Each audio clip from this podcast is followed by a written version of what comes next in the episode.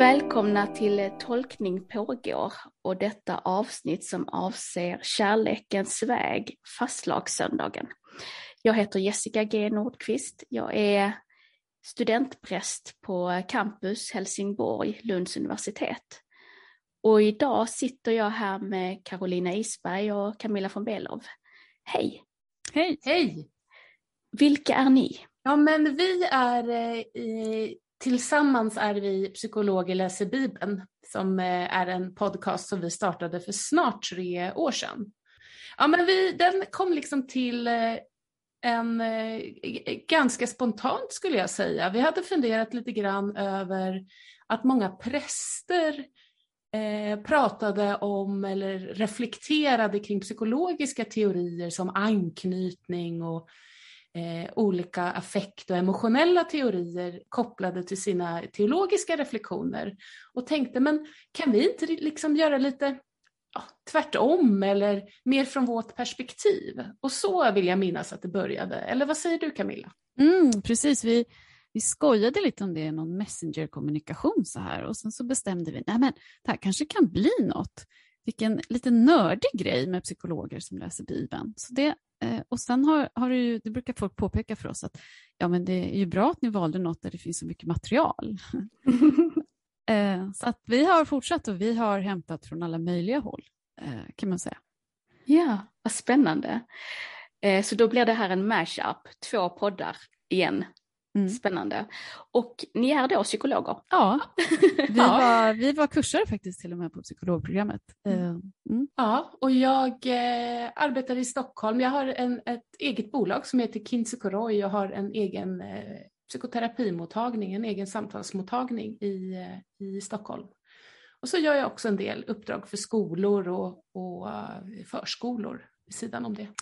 Jag bor i Uppsala och arbetar på Sankt Lukas som är en, en mottagning för terapi och eh, handledning och utbildning.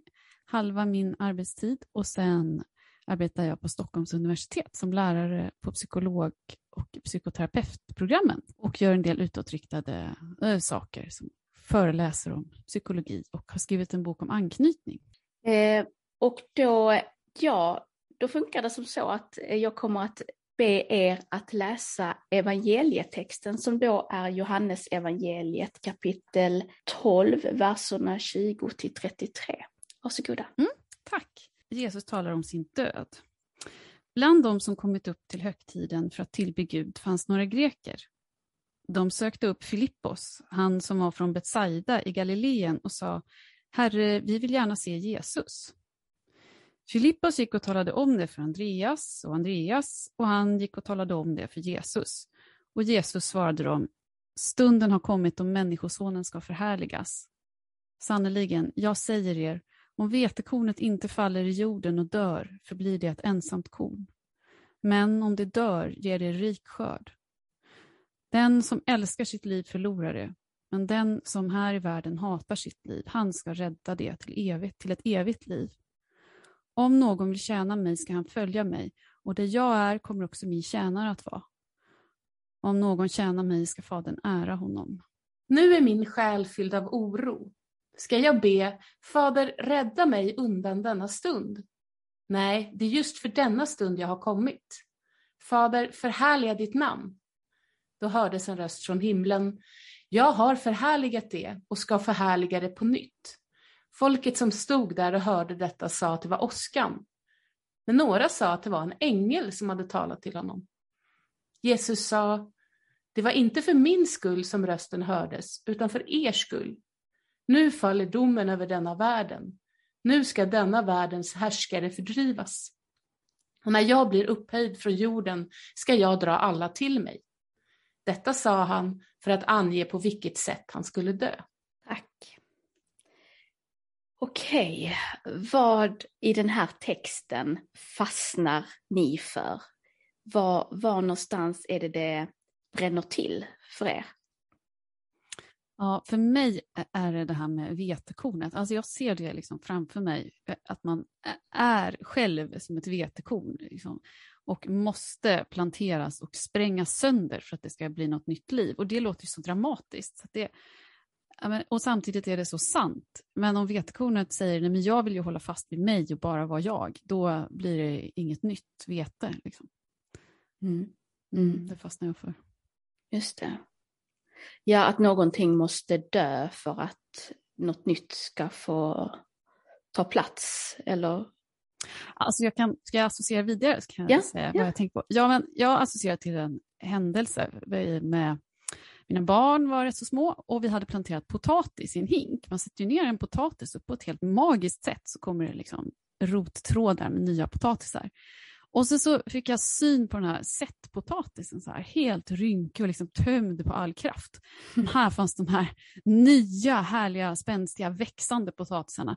Och för mig var det så här, Eh, som eh, samma känsla jag kunde ha med mina barn. Liksom så, ah, nej, men det, det är så här, man på något sätt ger frukt, men själv blir man gammal, rynkig och tappar kraft.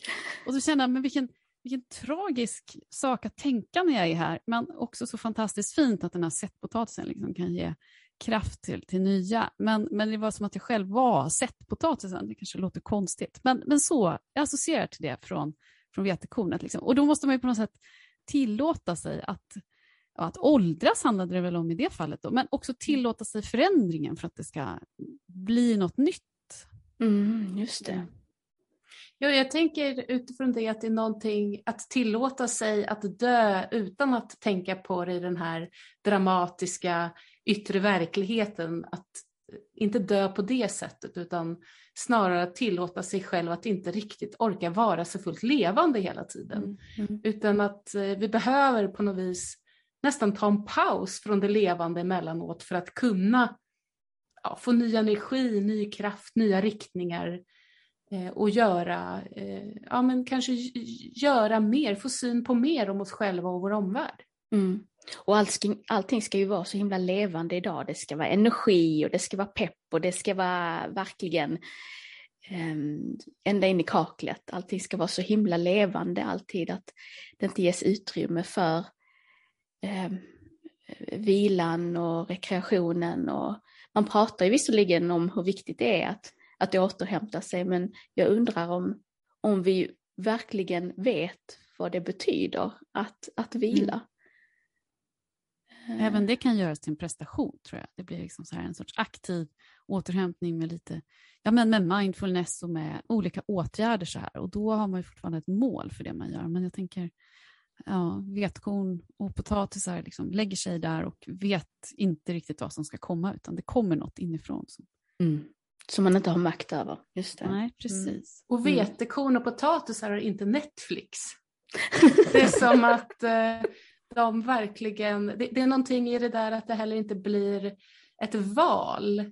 Ibland tänker jag att det, det, är, det är någonting som jag tänker generellt kring den här texten, att jag upplever att det är någonting som blir så nödvändigt.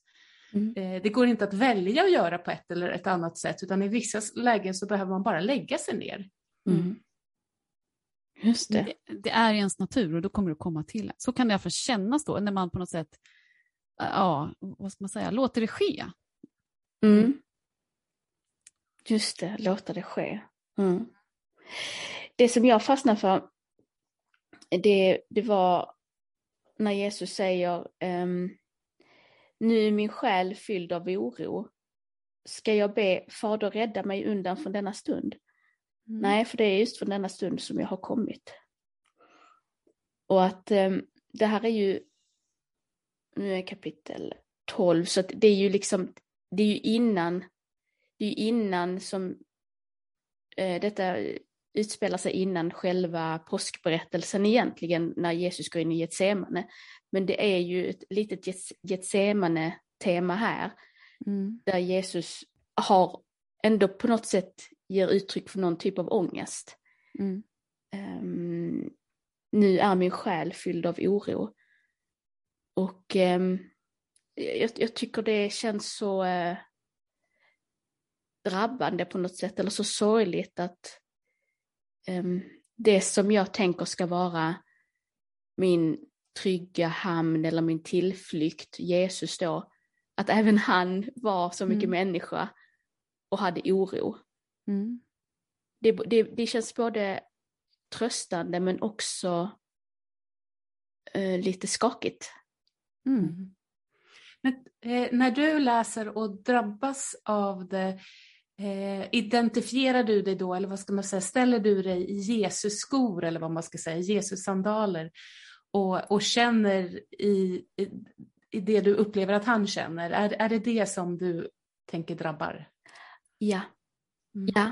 Här, eh, när, när Jesus visar de här mänskliga sidorna, när, alltså, när han i andra texter visar att han är skitförbannad, alltså jättearg, eller när han blir ledsen och gråter, eh, eller när han är glad vid bröllopet i Kana, då, då, då kan jag verkligen identifiera mig med Jesus. Inte så att mm, jag är Jesus, men jag kan, då, mm. då betyder berättelserna någonting verkligen för mig när jag kan förstå. Um, för att det är också något, alltså det, det är det jag förstår, känslor. Mm. Mm. um, mm. Det, jag tycker att det är intressant för jag har precis samma ställe som drabbar mig men faktiskt från ett lite annat perspektiv. Eh, och det handlar också om det som jag egentligen var inne på även när Camilla berättade om vetekornet. Och det är det här med, med att det är någonting i att det är nödvändigt. Eh, han, han önskar att bli räddad från den här stunden. Men det går ju inte. Det går ju inte att backa nu. Det går ju inte att säga nej men vi struntar i det här. Eh, ja, vi drar, vi drar ut till havet istället. Vi, vi tar en paus. Det här verkar skittråkigt. Det är inte det som sägs. Eh, och det är inte det som går. Utan det, måste, det är någonting som bara måste genomföras och jag tror att den där upplevelsen av att det är starkt nödvändigt, att ibland måste vi göra saker som är så besvärliga, tunga, svåra, fastän vi nästan inte vill. Och det mm. drabbar mig. Och det tänker jag väldigt mycket kring i relation till kärlekens väg. Mm. När du säger det så associerar jag till det är som att föda barn. Ja. När man ligger där i förlossningsverkar och bara, det finns bara ett sätt. Det, det finns ja. inget annat. Eh, och barnet måste ut. jag tänkte också på det faktiskt, just det här, rädda mig undan det här. Nej men det vill jag Jag vill ju också ha barnet. Alltså att det är en, en sorts, eh, eh, det är som att han pratar med sig själv. Ja, men, ett, både och, det är som en inre konflikt skulle man säga så här, psykologiskt, fast liksom gestaltat verkligen. Så här, åh, ska jag försöka ta mig ur det här? Nej men det är väl ändå nödvändigt att göra det här. Eller det här följer med livet. Det här innebär någon sorts växt eller det här innebär någon sorts utveckling. Så, så därför vill jag inte smita undan det. Liksom. Mm. Eh, utan därför vill jag vara kvar. Mm. Därför att det här leder djupare och gör mig till mer levande eller mer, alltså mer fylld av liv. Eller det, man, man känner att det är en rätt riktning på ett sätt. Mm. Uh, ja. Ja, visst, det är kopplat till en sorts övertygelse som jag tror också är väldigt allmänmänsklig. Mm. Eh, en, sådär som vi kan drabbas av ibland, att det här bara måste det, det, är fyllt av tvivel och det är kanske fyllt av en, en inre konflikt. Men det här bara måste jag göra. Mm. Det går inte att backa och det går inte att göra på ett annat sätt. Mm. Att det, det, är en ambivalens i det samtidigt. Sådär, eller, uh, ja, ja, jag associerade också till, det finns en sån här klassisk modell för hur förändring sker. Jag tycker den är så trösterik, alltså hur man bestämmer sig för att göra någon ny livsstil. För där är det två stadier, liksom så här, innan man ens har börjat tänka på det och sen medan man håller på och tänker på det, fram och tillbaka. Eh, någon sorts begrundan eller kontemplation. Och sen att man så här, jo men jag ska nog ändå låta det här ske. Och först sen blir man, så skrider man till verket. Jag tror att man ofta vill på något sätt snabbspola det där så att man bara, nej men nu ska, jag, nu ska jag göra något, nu gör jag en förändring i mitt liv. Men man har inte med sig själv för att man har inte fått gå igenom det här. Och jag känner mig orolig. Ska jag försöka ta mig ut ur det här bara utan att behöva göra någon förändring. Nej, men jag, det finns liksom ingen lätt utväg utan eh, ja, nej, men jag måste faktiskt känna efter. Varför är människan så rädd för förändringar? Ja, det har vi, visst har vi pratat om det i flera avsnitt Carolina? Ja, verkligen. Mm. Sa du rädd? För jag hörde inte riktigt. Ja, rädd. Ja. Mm. Förlåt min skånska. Nej, eh, jag tror inte att det var den. Ja, alltså det, är, det är ju ett, ett eh, på ett sätt ett mysterium, men på ett annat sätt finns det ju ett självklart svar, tänker jag, och det är ju att det som är en förändring är ju någonting nytt och det som är nytt känner vi inte till och därför blir det hotfullt. Och vi är ju på något sätt programmerade att reagera på det som är farligt och, och hotfullt. Så att den mycket, det mycket tråkiga svaret, tänker ja. jag så här pragmatiskt på något vis, är att jo, men det, det har varit bra för vår överlevnad att, att i alla fall till viss del eh, kämpa emot lite förändring. Att vara lite, precis, inte konservativa i politisk mening, men mer så här, ja men vi brukar ju göra så här varje vinter. Mm. Eh, på något sätt. Vanemässiga då kanske. Mm. Ja, och det har bevisat sig vara bra för då har skörden sen på sommaren eh, sett ut så här och på vintern så har kylan sett ut så här och då har vi kunnat. Ja. Mm. Och det ju... jag, ja, jag tänker också att det är ju någonting med att vi inte vet vilka vi själva blir om vi gör en förändring. Det är ju ganska otäckt. Man vet inte, kommer jag att klara av det här? Säg att man ska by, man flyttar till en ny stad. Hur ska det gå för mig? Får jag några vänner? Var ska jag bo? Hur, hur ska jag ordna min vardag? Hur tar jag mig fram? Eh, jag vet vad jag har men inte vad jag får. Det tänker jag också spelar roll. Eh, det, man har svårt att föreställa sig det helt enkelt. Mm. Och, och sen är det ju också så att det är en genväg att på något sätt ha rutiner. Det brukar man ju säga är till hjälp för den som är lite rörig. Så här, men skaffa en rutin så du inte behöver bestämma dig för på morgonen ska jag gå upp eller inte, utan bara, bara gör det. Alltså det är ju ganska skönt att slippa fundera på vilken väg ska jag ta mm. till jobbet eller skolan. Liksom. Mm. Och sen finns det väl en annan del som jag tänker också är social, att eh, när vi gör förändringar så kanske vi är osäkra på om andra kommer tycka om oss mm. efter de förändringarna. Mm. Och det är ju också läskigt. Betyder det att jag, blir, att jag just blir ensam för att jag har gått igenom den här förvandlingen eller den här förändringen jag vill göra? För det kan ju också vara en förändring som inte är att jag byter socialt, eh, socialt sammanhang. Det kan ju vara en förändring som innebär att jag är kvar där jag är, men, men eh, där jag är osäker på hur andra ska reagera på det. Och det är något nytt som ska komma ut ur det här om vi tänker på texten. Mm. Då är mm. det ju det är ju liksom himmelriket. Um, uh, att, att detta livet kommer att bytas ut mot um, det himmelska livet. Mm. Och um, när jag försökte förbereda mig och läsa lite kring den här texten så, så var det, det var, jag hade ett motstånd. Mm. eh, nej men det var precis som om att jag hade tappat den här, jag kunde inte jag kunde liksom inte se vad det är som menas med att vilja mista detta livet för att få mm. eh, det himmelska livet. Det var precis som att jag, det var en vägg där framför, jag, jag, mm. jag kunde inte liksom, det var någon, in, någon eh, teolog som skrev om att eh, ja, men det här är en väldigt tydlig text. Här mm. blir Jesus förhärligad, det är otroligt tydligt och Jesus talar tydligt språk. Men jag tycker inte att det är tydligt. Jag tycker att det är ganska så svårt att förstå fullt vad Jesus menar med, ehm, med det här och vad Gud vill visa med att förhärliga Jesus på det här sättet. När han kommer ner med den här rösten, åskan och sådär liksom. Uh, ja, jag vet inte vad jag vill komma. Men, men, men om man kan ja, göra ett psykologiskt, eh, ett psykologiskt hopp till eh, min och Camillas värld så kan man tänka att det här är en sorts process.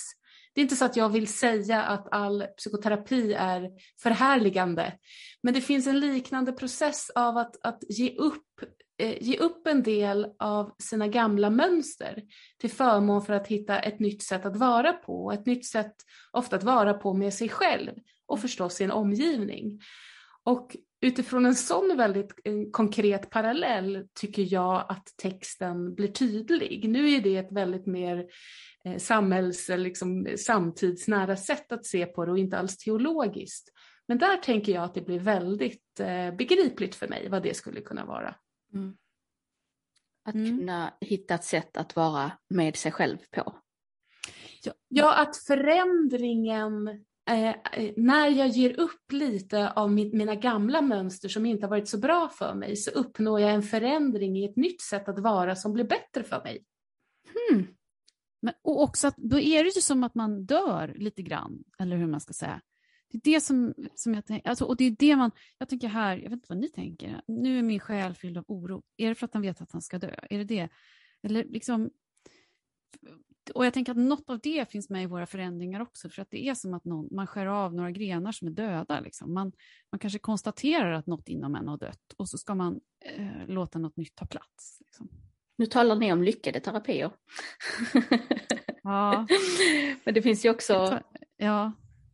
terapier som inte riktigt är så, som blir så lyckade heller. Nej, det har jag faktiskt skrivit en hel avhandling om. Eh, och eh, där var det, ganska mycket var det så här, i, det finns ju en del terapier där det, där det liksom blir sämre, de är inte jättemånga, men det finns många fler där det inte riktigt händer någonting. Eller det kanske lite händer, men inte tillräckligt. Själva kärnan ändras inte. Liksom. Mm. Och det, det, blir, det är liksom inte så illa på ett sätt, för att det har inte blivit mycket sämre. Å andra sidan kan man tänka att det känns ju väldigt illa att det är som att det inte gick att förändra någonting som man verkligen hoppades skulle förändra, mm. förändras. Uh, ja. Mm.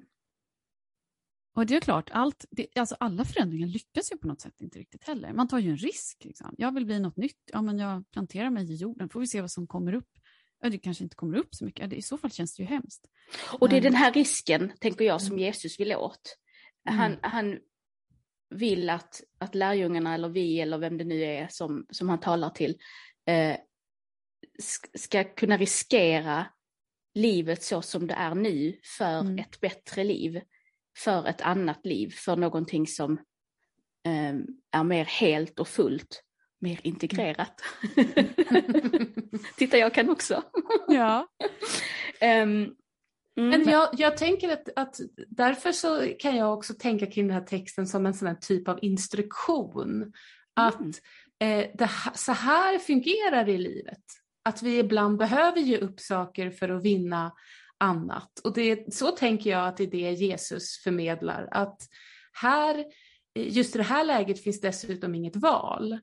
Men det finns tillfällen i livet när vi behöver lägga undan det gamla för att nå nya förändringar och nya tankar, känslor, nya upplevelser.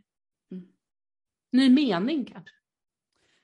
Ja, precis. Men när du sa det Jessica, då, lät, då fick jag också en så lite hisnande känsla av att det är lite otäckt ju. Eh, eller hur? Att så här, ja men nu ska du ge upp dig för något bättre. För här, här tycker jag att det, det låter väldigt oklart vad det här som är bättre ska vara också. Alltså det, och det är mycket mer står på spel än vad i en terapi. En terapi kan vara läskig nog, men, men här, ja, det, det tycker jag kan vara, du frågade innan, så här, vad, vad kan det vara det otäcka eller så i texten?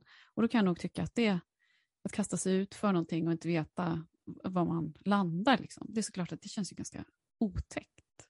Mm. Eller, eller vad tycker ni? jo det är skitläskigt, alltså verkligen. Um, och den här texten är också kantad av ett språk som är ganska läskigt. Det är ju sådär, det är ju så kraftfullt och just fylld av så mycket symbolik som är, ja men, ja men det, det, det är starka ord och det är, det känns ju dramatiskt på väldigt många sätt. Mm, det gör det verkligen. Den är väldigt lång också och mm. Ehm, jag, jag tänker, vad, vad vill man komma åt? Ibland så kan vi, så här, vad ville Bibelkommissionen när de, eller, eh, eh, när de satte Tolkning av Bibelkommissionen. Ja, precis.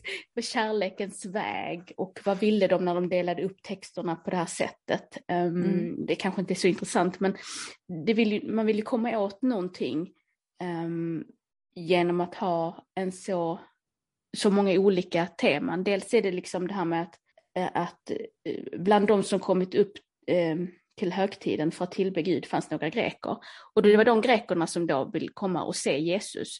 Ja, varför har man tagit med den? Ja, men ja. det är för att grekerna är hedningar och att eh, mm. hedningarna är intresserade av att bli kristna eller liksom att följa, eller inte kristna då heter det inte, men att bli, följa Jesus helt enkelt. De är nyfikna, de vill, de vill de tror att det Jesus säger är angeläget även för dem.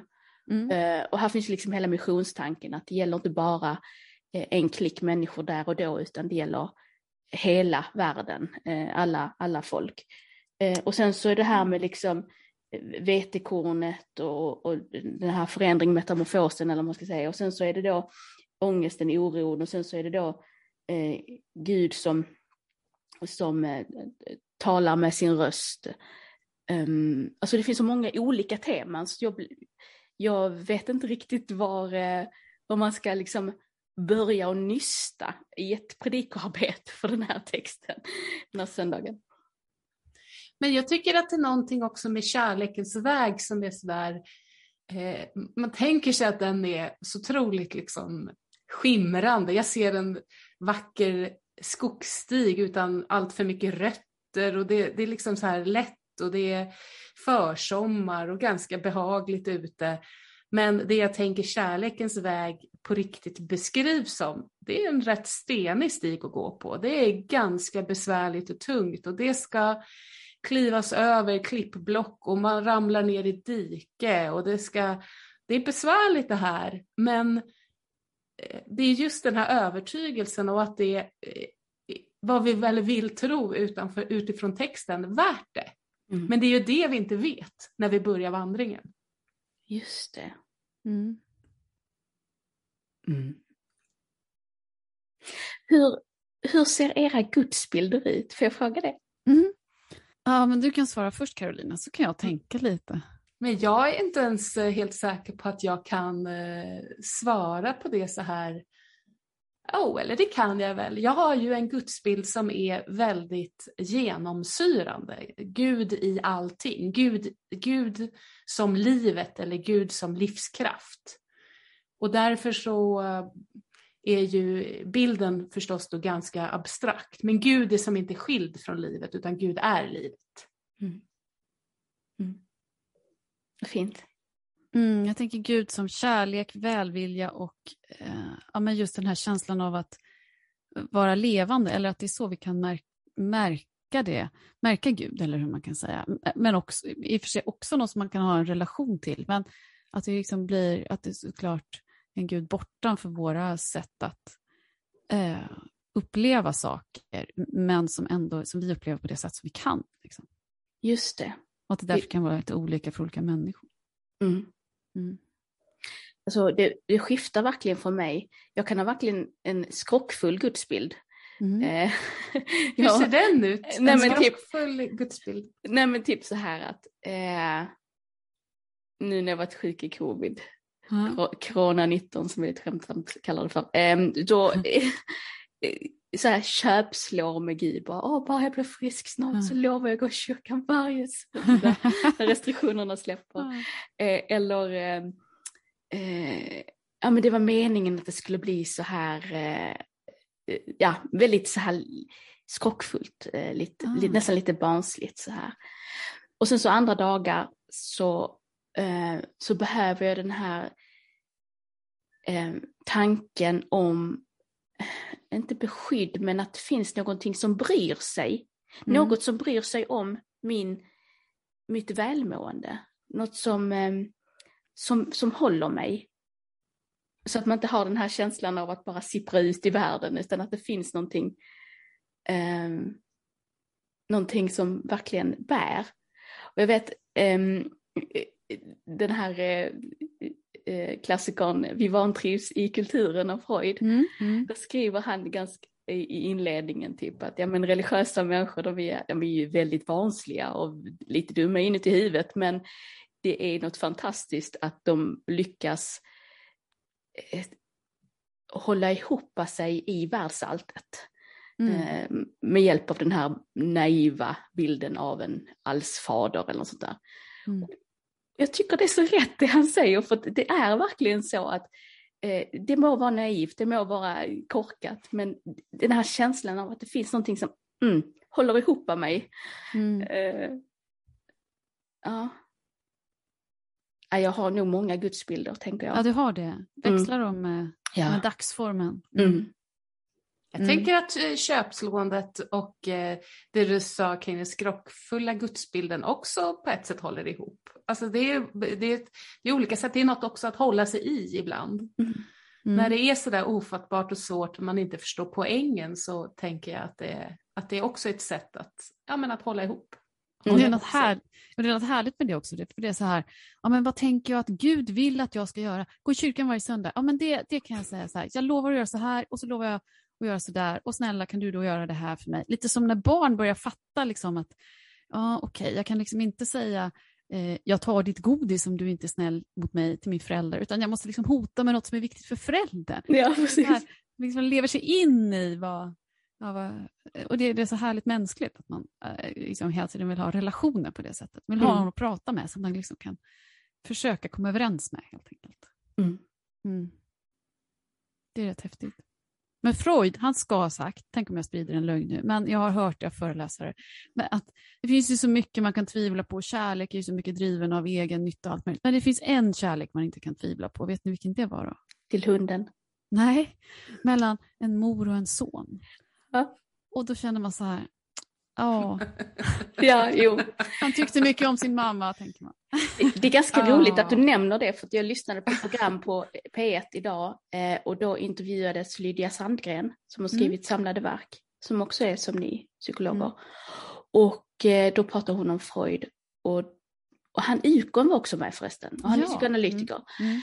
Och då sa han just detta. Han, ja, han sa det? Eh, om att det var, eh, den relationen kan man aldrig, mm. den, den, är liksom, mm, den är, den är speciell ja. ja. Ah. Men eh, Freud ska också ha sagt och ändrat sig att eh, det finns ingen kärlek så som eh, husse och, och hund. Ja, så han sa det också. Ja. Det räckte kanske att bli besviken ja, ett par precis. gånger och sen så gick det att förändra fokus där. Ja. Vad roligt. Ja, han hade ju med sig sin hund i mottagningen. Ja, men precis. Ja, men, man, man kanske liksom inte kommer utanför sig själv riktigt, utan man tänker, ja, men den här, så här är det. Det här säger något om allas kärlek. Det är den jag känner till min hund. Den, den måste ju alla känna till sin hund. Mm.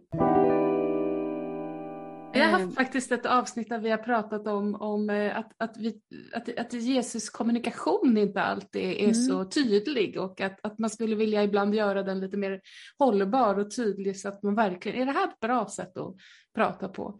Men det tänker jag också blir, det är ett, ett typiskt psykologiskt fokus på en teologisk text. Tänk en, en så inspirerande sak som till exempel här i texten är att det står så rakt ut, alltså ur psykologiskt perspektiv så är det inspirerande ja, men jag är orolig. Eller, och det finns ju andra texter också där känslor verkligen får vara med som vi kanske inte skulle vilja uttrycka nu. Om att man skäms eller att man vill hämnas eller sådär för att det är för pinsamt att göra i vår tid.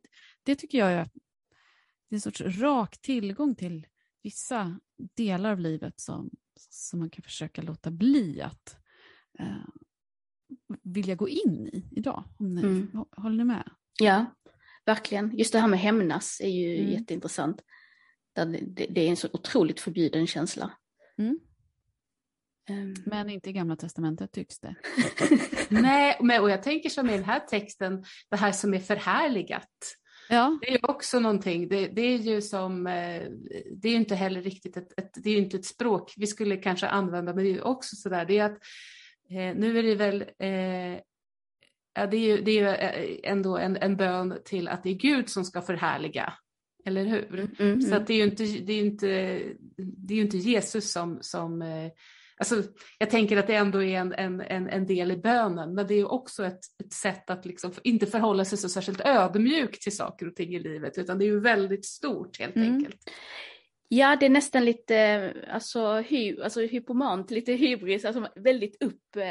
Um upp ja, upphöjt. Ja. Mm. ja. Men det tänker jag ju också är, eh, om man, om man tänker sig att det är lite fult att känna så idag eller tänka i de termerna så är det ju också skönt att få läsa sådana saker för så kan man ju också känna sig. Man kan mm. känna vissa dagar att det här, jag är uppfylld av något stort och det här känns, känns storslaget utan att det kanske är en genomgripande del av ens personlighet att man går omkring och känner så. Mm. Men det kan också, man kan drabbas av att, att vilja tona ner det på samma sätt som vi vill tona ner att vi är oroliga eller att vi vill tona ner att vi är arga. Mm. Då tänker jag också att det är fint att få ta del av de här orden på det sättet. Mm. Och var får man uttrycka den här liksom om man är så fylld av någonting? Vad, kan man uttrycka det? Den glädjen eller den fantastiska känsla som det är? Ja, men, alltså med människor som känner, eh, som känner en väl, höll jag på att säga, men så tänkte jag på Jesus här i texten. Eh, jag, jag vet inte om vi... Stolthet sägs ju vara en, en liksom känsla som är ganska svår att uttrycka, för att det just kan låta sådär som att man blir helt grandios eller tar mm. sig själv på för stort allvar, och det vill vi ju till varje pris undvika, för då blir fallet så högt ner liksom, mm. Mm. i golvet. Så att då kan man ju vilja hejda sig i början eh, av den känslan, men återigen, barn gör ju det till exempel. Jag tänker i trygga sammanhang, det tror jag verkligen ja, utmärks av att, vi, att man kan få känna sådana saker. Man kan, och inte bara liksom, jag är ledsen och har ångest, utan också säga, men det här är jag verkligen stolt över. Att, eh, att det får finnas och att det får finnas att man också missförstår sig själv och tror att man är bättre än vad man är. Och, och det är okej ändå. Liksom. Mm. Men jag tycker då att jag också håller med om det där med människor som känner en väl, för jag tror att det är någon sorts nyans i det som, som, känns, som blir det tryggande.